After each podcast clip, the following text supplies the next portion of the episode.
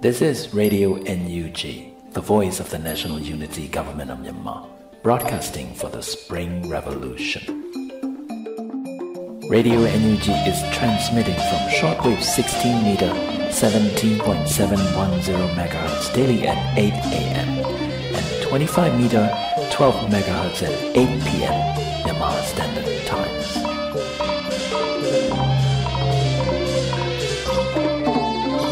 င်္ဂလာပါခင်ဗျာအမျိုးသားညီညွတ်ရေးအစိုးရရဲ့အသံလွှင့်ဌာန Radio NUG ကိုမနေ့၈နိုင်မှာ flight meter 16 meter 18.87 MHz ညဘက်မှာ flight meter 25 meter 12 MHz တို့မှာတိုက်ရိုက်ဖမ်းယူနားဆင်နိုင်ပါပြီမင်္ဂလာအပေါင်းနဲ့ပြည့်စုံကြပါစေခုချိန်ကစပြီး Radio NUG အစီအစဉ်လေးကိုဓာတ်ရိုက်အသံလွှင့်ပေးနေပါပြီ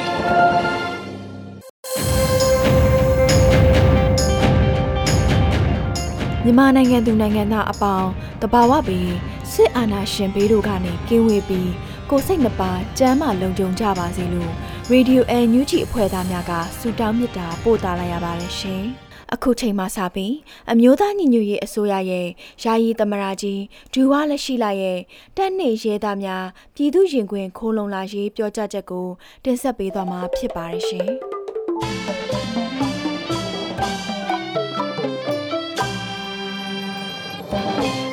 နိုင်ငံတော်ကိုချစ်တဲ့စိတ်တိုင်းပြည်ကိုကာကွယ်လူတဲ့စိတ်နဲ့ပြည်သူတမတော်တို့ကိုရောက်လာခဲ့ကြတဲ့နိုင်ငံသားကောင်းပြည်သူတမတော်သားများနဲ့မြန်မာနိုင်ငံရေးတပ်ဖွဲ့ဝင်များကိုအမျိုးသားညီညွတ်ရေးအစိုးရကူစားကျွန်တော်ယာယီဓမ္မတတူအနေနဲ့ပြည်သူရင်ခွေခိုးလုံရဲ့အစီအစဉ်ကနေမိန်ကွန်းပြောကြားခွင့်ရတဲ့အတွက်အင်မတန်မှဝမ်းသာဂုဏ်ယူမိပါတယ် တမတော်ဆိုတာပြည်သူလူထုကိုကာကွယ်ဖို့နိုင်ငံကိုပြပရန်ဆွဲအသီးသီးကနေကာကွယ်ဖို့အဓိကတာဝန်ယူရတဲ့အဖွဲ့အစည်းဖြစ်ပါတယ်။ပြည်သူလူထုကြွေးတဲ့ပြည်သူအခွန်ကတာကိုစားနေတဲ့ဝန်ထမ်းတယောက်အနေနဲ့ပြည်သူလူထုကရွေးကောက်တင်မြှောက်တဲ့အစိုးရကိုသစ္စာခံပြီးတိုင်းပြည်တာဝန်ကိုပြည်သူအလိုကျဦးလေမတုံထမ်းဆောင်ရမှာဖြစ်ပါတယ်။ဒါပေမဲ့ မင်းအွန်လိုင်းဥဆောင်တဲ့အချမ်းဖက်ခေါင်းဆောင်များဟာ2021ခုနှစ်ဖေဖော်ဝါရီလတရက်နေ့မှာပြည်သူလူထုကနေဒီမိုကရေစီနည်းကျရွေးချယ်တင်မြှောက်ထားတဲ့အစိုးရကို ဖြုတ်ချပြီးအာဏာကို မတရားသိမ်းယူခဲ့ပါတယ်။အဲ့ဒီလိုအာဏာသိမ်းတာကိုမလူလားကြောင်းနိုင်ငံတော်ဝန်မှရှိတဲ့ပြည်သူတရက်လုံးကလမ်းပေါ်ထွက်ကန့်ကွက်ခဲ့ကြပြီးဖြစ်ပါတယ်။ သို့တော်လည်းမင်းအွန်လိုင်းနဲ့စိတ်ဥစုဟာပြည်သူလူထုရဲ့သဘောထားကို လုံးဝကြွမမှုပဲအပြစ်မဲ့တဲ့ပြည်သူပေါင်းတထောင်ကျော်ကိုရဲရဲဆက်ဆက်တပ်ဖြတ်ခဲ့ပြီးအပြစ်မဲ့ပြည်သူပေါင်း8000ကျော်ကိုလည်းမတရားဖမ်းဆီးညှဉ်းပန်းနှိပ်စက်နေစေဖြစ်ပါတယ်။ဒါကြောင့်ပြည်သူလူထုကတီးမခံနိုင်တော့တဲ့အဆုံးရရ လက်နဲ့ဆွဲကြိုက်ပြီးမတ်လဆန်းကနေစတင်ပြီးတော့မိမိတို့ကိုယ်ကိုမိမိခုခံကာကွယ်မှုပြုလုပ်လာကြပါတယ်အခုဆိုရင်စစ်ကောင်းဆောင်တွေဟာပြစ်မဲ့ပြည်သူလူထုတွေရဲ့ရက်ရွာကိုဝင်ရောက်ပြီးအိမ်တွေကိုမီးရှို့ပစ္စည်းတွေကိုခိုးယူလို့ရပြည်သူလူထုအော့နှလုံးနာအောင်လုပ်နေကြပြီဖြစ်ပါတယ်ဒါကြောင့်စစ်ကောင်စီရဲ့လူရဲ့ရန်ကားမှုကို တရားမျှတစွာခုခံကာကွယ်နိုင်ရန်အတွက်အမျိုးသားညီညွတ်ရေးဆိုရမှလေပြည်သူလူထုအားအတိပေးပြောကြားခဲ့ပြီးဖြစ်ပါတယ်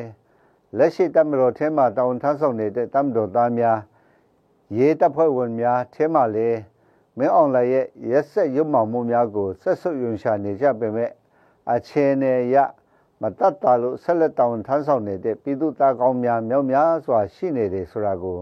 သိရှိရပါတယ်။ ဒါကြောင့်ပြည်သူတမတော်သားများနှင့်ရေးတပ်ဖွဲ့ဝင်များအနေဖြင့်မတရားအနာသိမ်းစစ်လို့ဆို၍အချမ်းဖက်လက်အောင်မှစွန့်ခွာပြီးအမျိုးသားညီညွတ်ရေးဆိုရဥဆောင်တဲ့ပြည်သူရင်ခွေခုံလုံရဲ့အစီအစဉ်ကို ထုတ်ပြန်ခဲ့ပြီးဖြစ်ပါတယ်။ဒါကြောင့်ပြည်သူကိုချစ်တဲ့ပြည်သူတမတော်သားများနဲ့ရေးတပ်ဖွဲ့ဝင်များအနေနဲ့ပြည်သူရင်ခွေတို့ခုံလုံနိုင်ဖို့သက်ဆိုင်ရာနေရာများသို့အမြန်ဆုံး ဆက်သွယ်ဆင်းပေးကြပါအကျန်းဖက်တမာမဲအွန်လိုင်းနဲ့အပေါင်းပါတို့လက်ထက်ကနေအမြန်ဆုံးထွက်ခွာပြီးပြည်သူလူထုနဲ့ပူးပေါင်းကြပါပြည်သူရင်ခွေတို့ခလုံလာတဲ့ရဲဘော်တို့ရဲ့မိသားစုများအတွက်ခလုံမိနေရာအစားအသောက်နဲ့ကျန်းမာရေး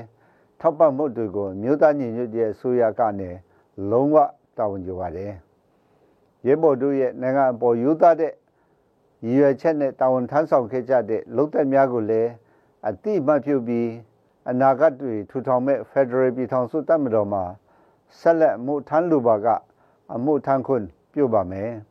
ပြင်ဆင်ယူလူပါကလည်းယူနိုင်အောင်စီစဉ်ပေးပါမယ်လို့မြို့သားညီညွတ်ရေးဆိုရအနေနဲ့ကတိပြုပါတယ်ရဲဘော်တို့ရဲ့အမှန်တရားဘက်မှာယက်တီရေးတဲ့စိတ်ဓာတ်ကိုကျိုးရှာလူသူစုရဲ့အကျိုးကိုတည်ပိုးရမှတိုင်းပြည်အကျိုးတည်ပိုးဖို့ဆုံးဖြတ်ချက်ကြီးကို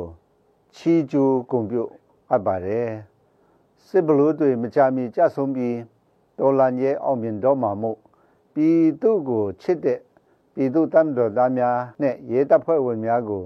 ပြည်သူရင်ခွေကနေငိမ့်ချမ်းနှွေးထွေးစွာကျူဆူပါကြောင်းပြောကြားလိုပါတယ်အရေးတော်ပုံအောင်ရမည်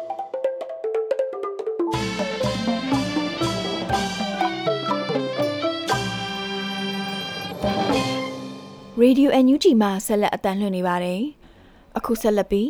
ကာကွယ်ဝင်ကြီးဌာနမှထုတ်ပြန်သောစစ်ရေးတရင်အကျဉ်းချုပ်ကိုတင်ဆက်ပေးမှာဖြစ်ပါတယ်ရှင်။ကာကွယ်ရေးဝန်ကြီးဌာနမြို့သားညီညွတ်ရေးအစိုးရမှထုတ်ဝေသောနေ့စဉ်စစ်ရေးတရင်အကျဉ်းချုပ်ကိုတင်ဆက်မှာဖြစ်ပါတယ်။ကျွန်တော်ဟိန်းကူကူပါစစ်ကောင်စီနှင့်တိုက်ပွဲဖြစ်ပွားမှုသတင်းများအနေနဲ့စကိုင်းတိုင်းမှာ အော်တိုဘာလ6ရက်နေ့ကအရာတော်နှင့်မုံရွာနေကြားဆိုင်ဖို့အနီးတွင်အနောက်သို့ဦးတီလျက်ရှိသောစစ်ကား၃စီးမိုင်းဆွဲခံရပြီးတစည်းထိမှန်ခဲ့ကြောင်းသိရပါဗျ။မိုင်းဆွဲတိုက်ခိုက်ခံရမှုကြောင့်စက္ကစတက်များသည့်ဒဏ်ရာရသူများအတင်ဆောင်ကအငြင်းမောင်းပြေးသွားကြောင်းသိရပါဗျ။အောက်တိုဘာ6ရက်နေ့နေ့လယ်2နာရီခန့်ကမုံရွာမြို့မှလာသောစက္ကစကားရန်73စီးကို အရာတော်မြို့နယ်ဝါရန်ကျေးရွာနေတွင်မိုင်းဆွဲတိုက်ခိုက်နိုင်ခဲ့ပြီးစက္ကစကားနစီထိခိုက်သွားကြောင်းသိရပါဗျ။စေးပြစ်မှုမတရားဖမ်းဆီးတပ်ဖြတ်မိရှုမှုသတင်းများအနေနဲ့မကွေးတိုင်းမှာ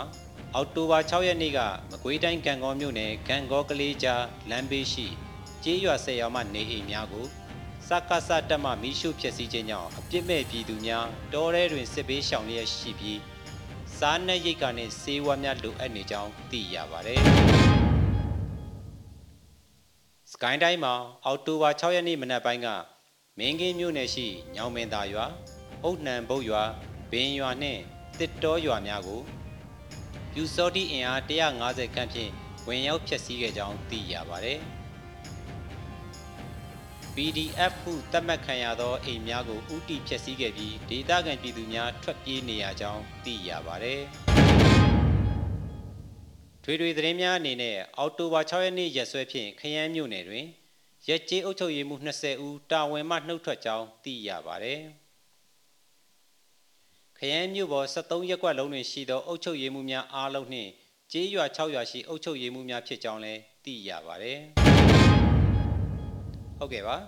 ခုသတင်းများကိုမြေပြင်သတင်းတာဝန်ခံများနဲ့သတင်းဌာနများမှဖော်ပြလာသောအချက်လက်များပေါ်အခြေခံပြီးပြုစုထားတာဖြစ်ပါတယ်ခင်ဗျာ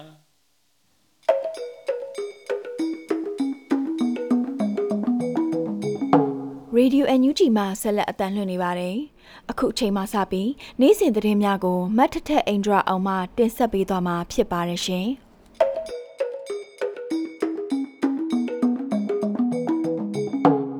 မအဦးဆုံးအနေနဲ့အမျိုးသားညီညွတ်ရေးအစိုးရကျန်းမာရေးဝန်ကြီးဌာနကစစ်ကောင်စီအလို့တော်ရေးဝန်ထမ်း10ဦးကိုဝန်ထမ်းအဖြစ်ကနေထုတ်ပေးလိုက်တဲ့သတင်းကိုတင်ဆက်ပေးမှာပါ။အကြံဖတ်စစ်ကောင်စီလက်အောက်မှာဆက်လက်တောင်းဝင်ထမ်းဆောင်နေတဲ့စစ်ကောင်စီအလို့တော်ကြီးဝန်ထမ်း10ဦးကိုဝန်ထမ်းအဖြစ်ကနေထုတ်ပယ်လိုက်တယ်လို့အမျိုးသားညီညွတ်ရေးအစိုးရကျန်းမာရေးဝန်ကြီးဌာနကအောက်တိုဘာ9ရက်မှာထုတ်ပြန်ကြေညာလိုက်ပါတယ်။ အကြမ်းဖက်စစ်ကောင်စီရဲ့လက်အောက်မှာဆက်လက်တာဝန်ထမ်းဆောင်ပြီးတော့စစ်ကောင်စီအလို့ကြလှုပ်ဆောင်နေတဲ့ဝန်ထမ်းတွေဟာစီရီယန်လှုပ်ရှားမှုမှာပါဝင်နေတဲ့ပြည်သူသားကောင်ကျန်းမာရေးဝန်ထမ်းတွေကိုဖိအားပေးတာချိန်ချောက်တာ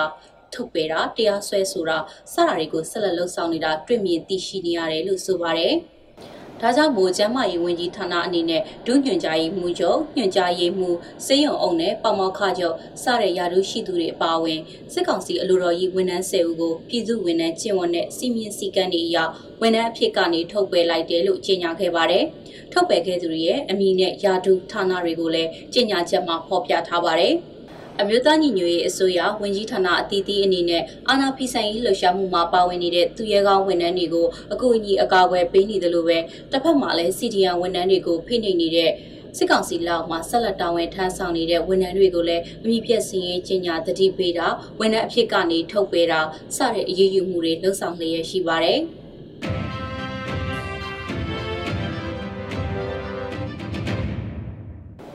ဆက်လက်ပြီးတော့အမျိုးသားညီညွတ်ရေးအစိုးရအားအတိမတ်ပြုရေးအစိုးရကိုပြင်သစ်အထက်လွှတ်တော်မှကန့်ကွက်သူမရှိအတည်ပြုခဲ့တဲ့သတင်းကိုတင်ဆက်ပေးပါမယ်။အမျိုးသားညီညွတ်ရေးအစိုးရ NUG ကိုပြင်သစ်နိုင်ငံအထက်လွှတ်တော်ကကန့်ကွက်သူမရှိအတိအမှတ်ပြုလိုက်ပါတယ်။အော်တိုဘာလ9ရက်နေ့ပြင်သစ်စံတော်ချိန်ညနေ4နာရီခွဲမှာအမျိုးသားညီညွတ်ရေးအစိုးရကိုအတိအမှတ်ပြုဖို့ပြင်သစ်ပါတီတွေကိုကိုစားပြုသူရှစ်ဦးကအဆိုတင်သွင်းခဲ့ကြပြီးတဲ့နောက်အတိအမှတ်ပြုတဲ့သူတွေကိုလက်ထောင်စေခဲ့ရမှာကန့်ကွက်သူမရှိလက်ထောင်ခဲ့ကြပါတယ်။ မဲခွဲဆုံးဖြတ်တဲ့ပွဲကိုပြင်သစ်နိုင်ငံဆိုင်ရာ NUG ကိုယ်စားလှယ်တအူပြင်သစ်ရောက်မြန်မာများအဖွဲ့အစည်း CPF ဥက္ကဋ္ဌဒေါက်တာတင်တင်ထားမြင့်ဦးဆောင်တဲ့မြန်မာ၄ဦးမြန်မာအရေးကိုတောက်လျှောက်ကူညီပေးနေတဲ့ AMFA ပြင်သစ်အဖွဲ့အစည်းတို့တက်ရောက်ခဲ့ကြပါတယ်။ ပြင်သစ်ထက်လွတ်တော်ဥက္ကဋ္ဌမစ္စတာရီဟလာရှိကအစိုးနဲ့ပတ်သက်ပြီးတော့မြန်မာနိုင်ငံမှာစစ်တပ်ကအာဏာသိမ်းပြီးတဲ့နောက်နိုင်ငံရေးသမားတွေလူအခွင့်အရေးတက်ကြွလှုပ်ရှားသူတွေသတင်းသမားတွေအရက်ဖက်အဖွဲ့အစည်းတွေကပုံကိုယ်တွေတက်သည့်ပညာရှင်တွေ ကျန်းမာရေးဝန်ထမ်းတွေနဲ့ဘာသာရေးခေါင်းဆောင်တွေကိုတရားလက်လွတ်ဖမ်းဆီးနေမှုတွေကိုထည့်သွင်းစဉ်းစားကြောင်းနဲ့မြန်မာနိုင်ငံမှာအရေးပေါ်အခြေအနေကြီးညာမှုအဆုံးသက်ကဖမ်းဆီးထားသူတွေကိုပြန်လွှတ်ပေးပြီးတော့ဒီမိုကရေစီလမ်းကြောင်းကိုပြန်သွားနိုင်ရန်အတွက်အရေးကြီးတဲ့အခြေလှမ်းတစ်ရပ်အနေနဲ့ပြင်သစ်အစိုးရကအန်ယူဂျီကိုထောက်ခံအတိအမှတ်ပြုရန်တိုက်တွန်းကြောင်းအထက်လွှတ်တော်အစည်းအဝေးမှာပြောကြားခဲ့တယ်လို့သိရပါဗျ။ အဲ့ဒီအဆိုကိုပြင်သစ်အောက်လွှတ်တော်မှာထပ်မံမဲခွဲဆုံးဖြတ်အောင်မှာဖြစ်ပြီးတော့အတည်ပြုခဲ့မယ်ဆိုရင်တော့ပြင်သစ်အစိုးရကအမျိုးသားညီညွတ်ရေးအစိုးရကိုအတိအမှတ်ပြုရေးဆက်လက်ဆောင်ရွက်ရမှာဖြစ်ပါတယ်။အခုလိုမျိုးအင်အားကြီးနိုင်ငံတစ်ခုရဲ့လွှတ်တော်တရက်ကနေ NUG ကိုတရားဝင်အတိအမှတ်ပြုလိုက်တဲ့အပေါ်ပြောင်စုလွှတ်တော်ကိုစားပြုကော်မတီအတွင်းမှုအဖွဲ့ဝင်ဒေါ်ဖြူဖြူသိန်းကအခုလိုမှတ်ချက်ပြုထားပါတယ်။ဒီနေ့ကပြင်သစ်အထက်လွှတ်တော်ကနေပြီးတော့ NUG အစိုးရကို ကန့်ကွက်မဲမရှိအတည်ပြုပေးလိုက်တဲ့အတွက်ကျမတို့မြန်မာနိုင်ငံမှာရှိနေတဲ့နိုင်ငံသူနိုင်ငံသားတွေရဲ့ကိုစားအာကျေးဇူးတင်ဂုဏ်ပြုကြောင်းပြောချင်ပါတယ်တကယ်တော့ကျမတို့ NUG အစိုးရကပြည်သူလူထုရဲ့အာရွေးချယ်တင်မြှောက်ထားတဲ့အစိုးရတရက်ဖြစ်တဲ့အတွက်ကျမတို့နိုင်ငံသူနိုင်ငံသားတွေကိုအသိမှတ်ပြုလိုက်တဲ့သဘောမျိုးလဲတက်ရောက်ပါတယ်ဒီနေ့ကကျမတို့နိုင်ငံရဲ့အာတကယ်ကိုအမှတ်တရနေ့လေးတစ်နေ့လည်းဖြစ်ပါတယ် အာကျမတို့ပြည်သူတော်လှန်ရေးနေ့ဖြစ်သတ်မှတ်တဲ့တလားပြည့်တဲ့နေ့မှာအခုလိုပဲပြင်သစ်နိုင်ငံကနေပြီးတော့အသိမှတ်ပြုပေးတယ်အဲ့လိုပဲဒီနေ့ကစပြီးတော့အခြားအခြားသောကမ္ဘာနိုင်ငံအသီးသီးကနေပြီးတော့ဆက်အာဏာသိမ်းကိုရှုံချပြီးတော့ပြည်သူလူထုရွေးချယ်တင်မြှောက်ထားတဲ့ဒီမိုကရေစီစံချိန်စံညွှန်းနေတဲ့ညီညွတ်တဲ့အစိုးရအဖွဲ့ကို အားလုံးပဲဝိုင်းပြီးတော့အတည်ပြုပေးကြပါလို့ကျွန်မအနေနဲ့တိုက်တွန်းချင်ပါတယ်။ဒါကြောင့်မလို့ပြည်သက်နိုင်ငံအစိုးရနဲ့တကွာအထက်လွှတ်တော်အမတ်များအားလုံးကိုလည်းအထူးပဲကျေးဇူးတင်ကြောင်းပြောကြားလိုပါတယ်။အားလုံးကျေးဇူးပါ။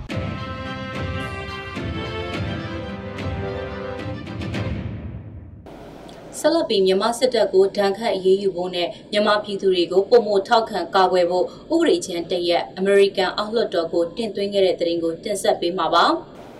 အမေရိကန်အစိုးရကတရားမဝင်အာဏာသိမ်းစစ်တပ်ကိုဒဏ်ခတ်ရေးယူမှုတိုးမြှင့်ဖို့အတွက်ဥပဒေချမ်းတရက်ကိုနိုင်ငံခြားရေးကော်မတီကအောက်လွှတ်တော်ကိုမနေ့ကတင်သွင်းလိုက်ပါတယ်။အောက်လွှတ်တော်နိုင်ငံခြားရေးကော်မတီရဲ့ဥပဒေချမ်းဟာဖေဖော်ဝါရီတရက်အာဏာသိမ်းဖြစ်စဉ်နဲ့နောက်ပိုင်းကာလမြန်မာစစ်တပ်ရဲ့လှုပ်ဆောင်မှုအလုံးကိုပြစ်တင်ရှုတ်ချထားပြီးတော့မြန်မာစစ်တပ်စစ်ကောင်စီသူတို့ရဲ့စီးပွားရေးလုပ်ငန်းတွေကိုပြစ်မှတ်ထားအရေးယူဒဏ်ခတ်ဖို့အတွက်အမေရိကန်အစိုးရကိုတောင်းဆိုထားပါတယ်။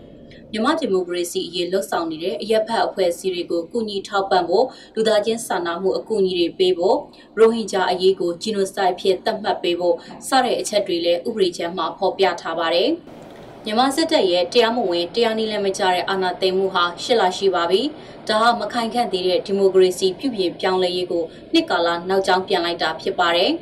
အမေရိကန်နဲ့နိုင်ငံတကာအတိုင်းအဝန်းကတန်တမာရေးဖိအားပေးမှုတွေရှိနေပေမဲ့မြန်မာစစ်တပ်ဟာသူ့ရဲ့အကြမ်းဖက်မှုတွေရပ်တန့်ဖို့မတရားသဖြင့်ဖမ်းဆီးခံထားသူတွေကိုပြန်လွှတ်ပေးဖို့နဲ့ပြည်ရင်းကပါဝင်သင့်သူတွေနဲ့အထိပ္ပယ်ရှိတဲ့ဆွေးနွေးမှုပြုလုပ်ဖို့ညှင်းဆန်ထားပါတယ်။အမေရိကန်အနေနဲ့မြန်မာပြည်သူတွေကိုထောက်ခံဖို့နဲ့ကာကွယ်ဖို့ပုံမလှုံ့ဆော်ရမှာဖြစ်ပြီးတော့မြန်မာစစ်တပ်ကိုရှင်းလင်းတဲ့အချက်ပေးမှုတွေလှုံ့ဆော်ရပါမယ်လို့အောက်လွှတ်တော်နိုင်ငံသားရေးရာကော်မတီဥက္ကဋ္ဌမက်ကပြောပါတယ်။ ဘာမှအပ်လို့ခေါ်တဲ့ဥပဒေမူကြမ်းကိုအောက်လွှတ်တော်နိုင်ငံသားရေးကော်မတီကတင်သွင်းလာတဲ့အပေါ် Global Witness အပါအဝင်နိုင်ငံတကာအဖွဲ့အစည်းတချို့ကထောက်ခံကြိုဆိုထားပါတယ်။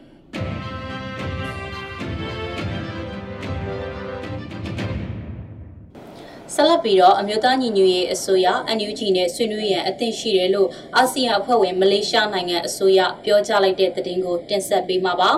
မြမအချက်တဲကိုဖြည့်ရှင်းဖို့အရှိတောင်အာရှနိုင်ငံများအသင်းအာဆီယံကသဘောတူထားတဲ့အချက်၅ချက်ပါအများသဘောတူညီချက်ကိုအာဏာသိမ်းစစ်ကောင်စီကပူးပေါင်းဆောင်ရွက်တာမလုပ်ခဲ့ရင်မလေးရှားအစိုးရဟာမြမအမျိုးသားညီညွတ်ရေးအစိုးရ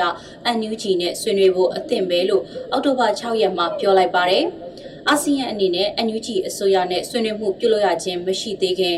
မလေးရှားအနေနဲ့ NUG နဲ့ဆွေးနွေးမှုလှုပ်ဆောင်သွားလို့သလားဆိုတဲ့မေးခွန်းကိုမလေးရှားနိုင်ငံသားရေးဝန်ကြီးကအခုလိုတုံ့ပြန်ဖြေကြားသွားခဲ့တာဖြစ်ပါတယ်။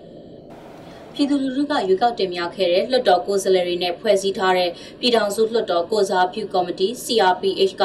အမျိုးသားညီညွတ်ရေးအတိုင်ပင်ခံကောင်စီ NUCC ရဲ့သဘောတူညီချက်နဲ့အမျိုးသားညီညွတ်ရေးအစိုးရ NUG ကိုဧပြီလကဖွဲ့စည်းခဲ့တာပါ။ အာဆီယံမူ၅ချက်ကိုစစ်ကောင်စီကပူးပေါင်းဆောင်ရွက်မှုမရှိဘူးဆိုတဲ့အချက်ကိုတနင်္လာနေ့ကကျင်းပခဲ့တဲ့အာဆီယံနိုင်ငံသားရေးဝန်ကြီးများအစည်းအဝေးမှာအကြောင်းကြားခဲ့တယ်လို့မလေးရှားနိုင်ငံသားရေးဝန်ကြီးဒါတွတ်ဆိုင်ဖူတင်အမ်ဒူလာကပြောပါတယ်။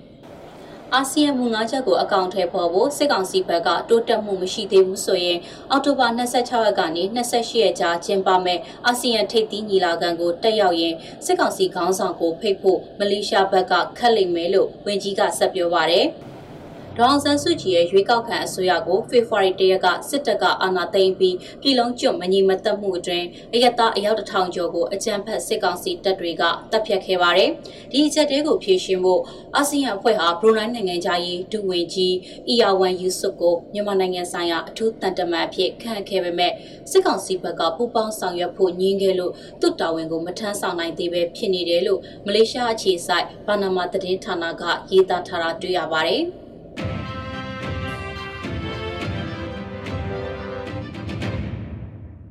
ခုနောက်ဆုံးအနေနဲ့မြန်မာနိုင်ငံတဝန်းကလူမျိုးပေါင်းစုံဘာသာပေါင်းစုံပါဝင်တဲ့ဆရာနာရှင်အမြင့်ပြည့်ချေမုံရေးလူထုဆန္ဒပြပွဲသတင်းတွေကိုစုစည်းတင်ဆက်ပေးမှာဖြစ်ပါတယ်။ဆရာနာရှင်ကိုအမြင့်ပြည့်ချေမုံနိုင်ဖို့တော်လှန်တဲ့နေရာမှာနေ့စဉ်မပြတ်ချီတက်ဆန္ဒပြနေတဲ့စကိုင်းတိုင်းရင်းမပင်ခရိုင်စာလင်ကြီးမြောက်ချမ်းနဲ့ရင်းမပင်အရှိချမ်းကြီးရွာတွေကတော်လှန်ပြည်သူတွေဟာဒီကနေ့မှာတော့အာနာဖီဆန် CDM တိုက်ပွဲအဆုံးသတ် PDF ဆိုတဲ့စာလံကင်ဆောင်ပြီးတော့လှည့်လည်ဆန္ဒပြခဲ့ပါတယ်။ ဒါအပြင် NUG စာတန်းကိုကင်ဆောင်ပြီးတော့နေ့စဉ်မပြတ်ဆန္ဒပြနေတဲ့စကိုင်းတိုင်းရွှေဘုံမြို့နယ်ချေးရွာတရွာကတော်လှန်ပြည်သူတွေကလည်းတိုင်းသားတော်လှန်ရေးတပ်ဖွဲ့တွေနဲ့ PDF တပ်ဖွဲ့တွေတိုက်တိုင်းအောင်နိုင်ရေးကြွေးကြော်ပြီးတော့ချစ်တဲ့ဆန္ဒပြပါတယ်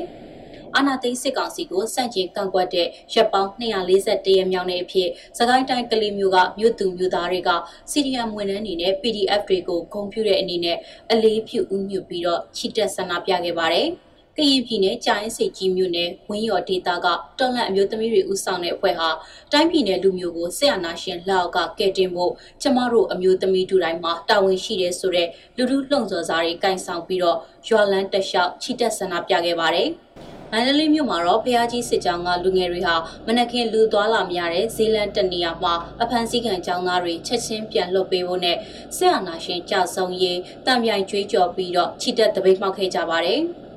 မန္တလေးမြို့ကအောင်မြေသားဆန်ပညာရေးကျောင်းပေါင်းစုံတပိတ်စစ်ကြောင်းကတော်လှန်ပြည်သူတစုကလည်းဖက်ဒရယ်ပြည်ထောင်စုပေါ်ပေါက်ရေးဒီမိုကရေစီရရှိရေးတို့အတွက်ချီတက်ဆန္ဒပြခဲ့ပါတယ်။ဒါကတော့အောက်တိုဘာလ6ရက်နေ့နေ့လယ်2နာရီအချိန်ထိရရှိထားတဲ့မြန်မာနိုင်ငံတဝန်းကဆီယနာရှင်ပြုတ်ကြရေးလူလူဆန္ဒပြပွဲသတင်းတွေကိုစုစည်းတင်ဆက်ပေးခဲ့တာပါ။ဆန္ဒပြပွဲသတင်းတွေကိုတော့ခေတ်သစ်သတင်းဌာနကနေတဆင့်ကိုကဖော်ပြပေးခဲ့တာဖြစ်ပါတယ်။ကျေးဇူးတင်ပါတယ်ရှင်။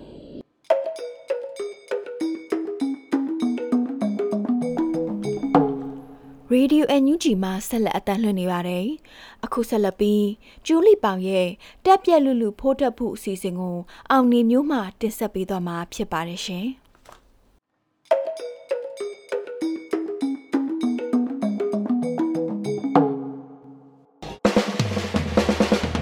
တော်စေအကြောင်းတွေတက်ပြက်လူလူ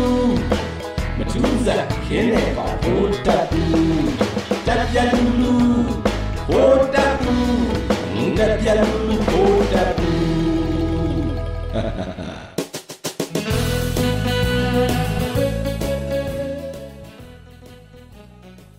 ဘိုးတက်ပူကွက်တွေကိုသွားမခံမန်းနဲ့ယူသွားလိမ့်မယ်သူကအယူဆိုတော့သူ့ရဲ့အယူကွက်တွေကိုလိုက်ခံမန်းနေရင်ကိုပါယူကုန်တော့မှာပေါ့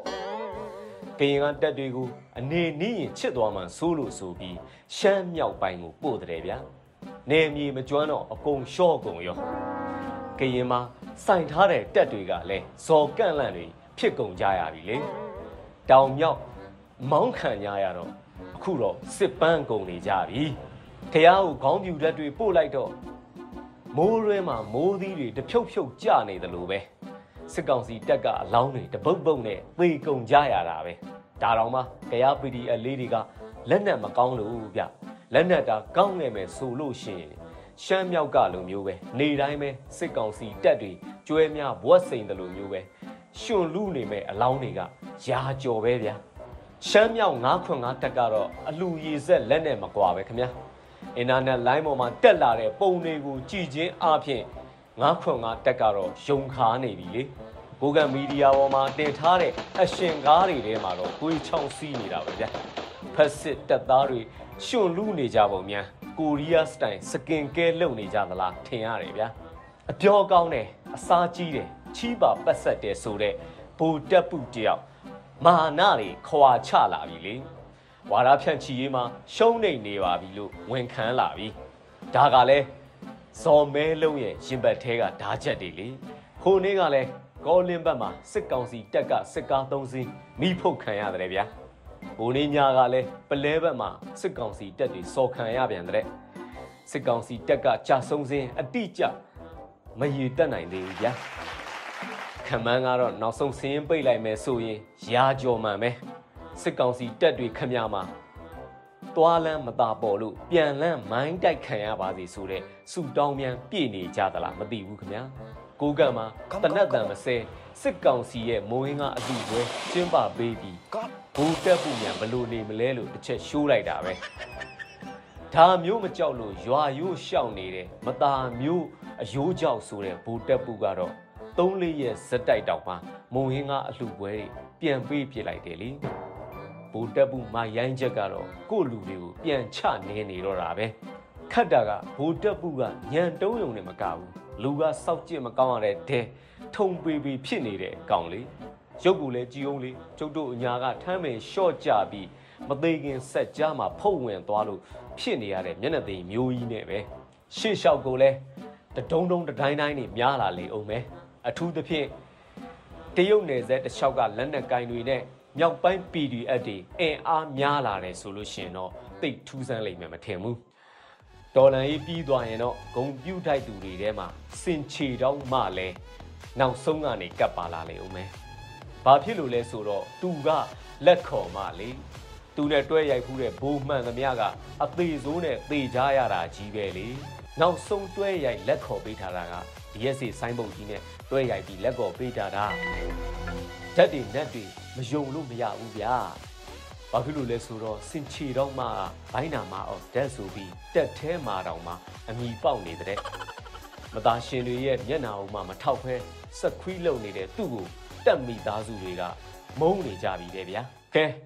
ဖရဲသည်စီရီယန်လက်နက်နဲ့ရှေ့ရေးကိုလဲလှယ်လာကြသူတွေလဲ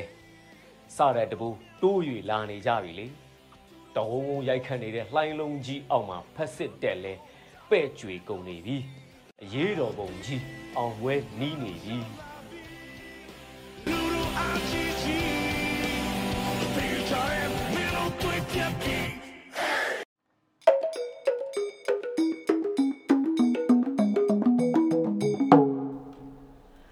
Radio NUG မှာဆက်လက်အသံလွှင့်နေပါတယ်။အခုဆက်လက်ပြီးကြားပေါက်ခေါ်ဟန်ထိုးလင်ရဲ့ online propaganda ကိုတုံ့ပြန်ပြင်ဆင်ဖို့ဆိုတဲ့အကြောင်းကိုတင်ဆက်ပေးမှာဖြစ်ပါတယ်ရှင်။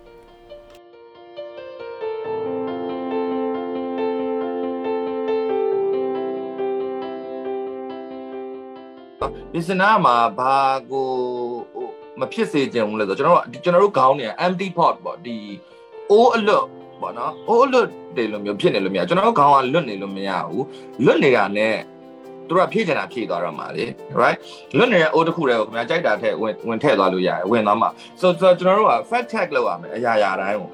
fact check လုပ်ရမယ်နောက် source ကိုသေချာစုံစမ်းရမယ်ကျွန်တော် online မှာမြင်တဲ့ဟာတွေနော်ဘယ်ကလာတာလဲနောက်ဘာလို့ပြောတာလဲ ဆိုတော့အဲ့မျိုးနောက် common sense ပေါ့ကျွန်တော်တို့မှာရှိရစဉ်းစားရပါတယ်ရှင်းပြီးတော့အဲ့ common sense ကြောင့်လဲသူတို့အခုကျွန်တော်တို့ထင်တယ်လို့ကျွန်တော်တို့ manipulate လုပ်လို့မရဘူးကြာဟိုတကယ်ဘလောက်ပဲယုံစရာကောင်းတဲ့ဟာကြီးပဲလှုပ်လှုပ်ဗျာသိရမလားဒီဒီ morph တွေနဲ့ video တွေနဲ့အတူတွေပဲလှုပ်လို့ဘာပဲလှုပ်လှုပ်ဒီ common sense ရှိတဲ့လူတွေကပါဘူးပါမသွားဘူးနော်ဆိုတော့အဲ့အဲ့အဲ့ဒါအဲ့ common sense နဲ့ရှင်ပြီးတွေးတတ်ဖို့ပေါ့နောက်တစ်ခုကအဲ့ post တစ်ခုတွေ့ရင်ဒီ post ကဘယ်သူတင်တာလဲနောက်တင်တဲ့အတွက်ဘာအကျိုးရှိသွားလဲပေါ့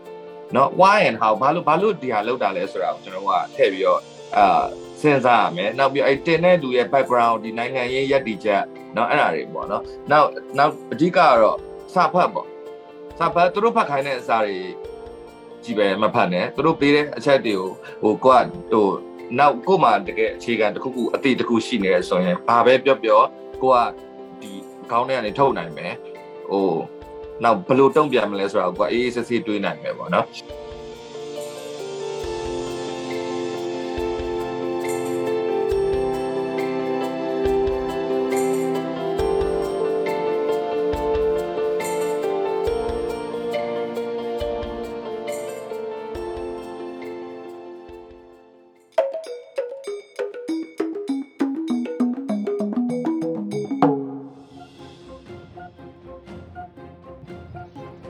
မိဘပြည်သူများရှင်ရေဒီယို NUG မှမုံလဲပိုင်းအစီအစဉ်ထပ်မံထုတ်လွှင့်မှုနဲ့ညနေပိုင်းအစီအစဉ်တိုးချက်အတန်းလိုင်းမီတာများကိုကြီးညာပေးပါရစေ။အော်တိုဘာလ6ရက်9ရက်နဲ့10ရက်နေ့များမှာမုံလဲ2နာရီခွဲမှ3နာရီထိမုံလဲပိုင်းအစီအစဉ်ကိုလှိုင်းတူ16မီတာ19.8 MHz မှာထပ်မံတိုးချက်စမ်းသပ်ထုတ်လွှင့်ပေးသွားမှာဖြစ်ပါတယ်ရှင်။ အော်တိုဘာလ6ရက်9ရက်နဲ့10ရက်နေ့များမှာပုံမှန်ထုတ်လွှင့်နေကြရေဒီယိုအန်ယူဂျီရဲ့ညနေပိုင်းစီစဉ်များကိုလှိုင်းတူ25မီတာ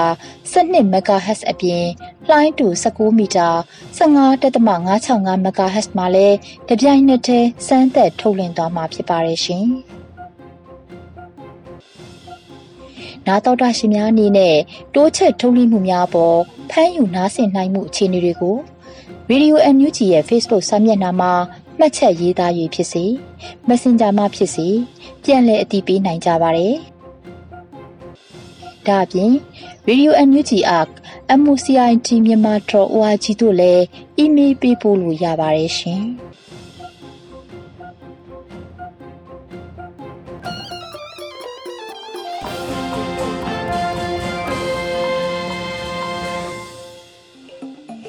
ဒီကနေ့တော့ဒီညနဲ့ပဲ Radio NUG အစီအစဉ်လေးကိုကိတ္တရန်နာလိုက်ပါမယ်မြန်မာစံတော်ချိန်မနေ့၈နာရီညနေ၈နာရီတို့မှာပြန်လည်တွေ့ဆုံကြပါစို့ Radio NUG ကိုမနက်၈နာရီမှာလိုင်းဒိုမီတာ16မီတာ19.87 MHz ညဘက်မှာလိုင်းဒိုမီတာ25မီတာ12 MHz တို့မှာတိုက်ရိုက်ဖမ်းယူနားဆင်နိုင်ပါပြီ။မြန်မာနိုင်ငံသူနိုင်ငံသားများ ကိုယ်စိတ်နှပြချမ်းမာချမ်းသာလို့ဘေးကင်းလုံခြုံကြပါစေလို့ Radio NUG အဖွဲ့သူအဖွဲ့သားများဆုတောင်းပေးလိုက်ပါတယ်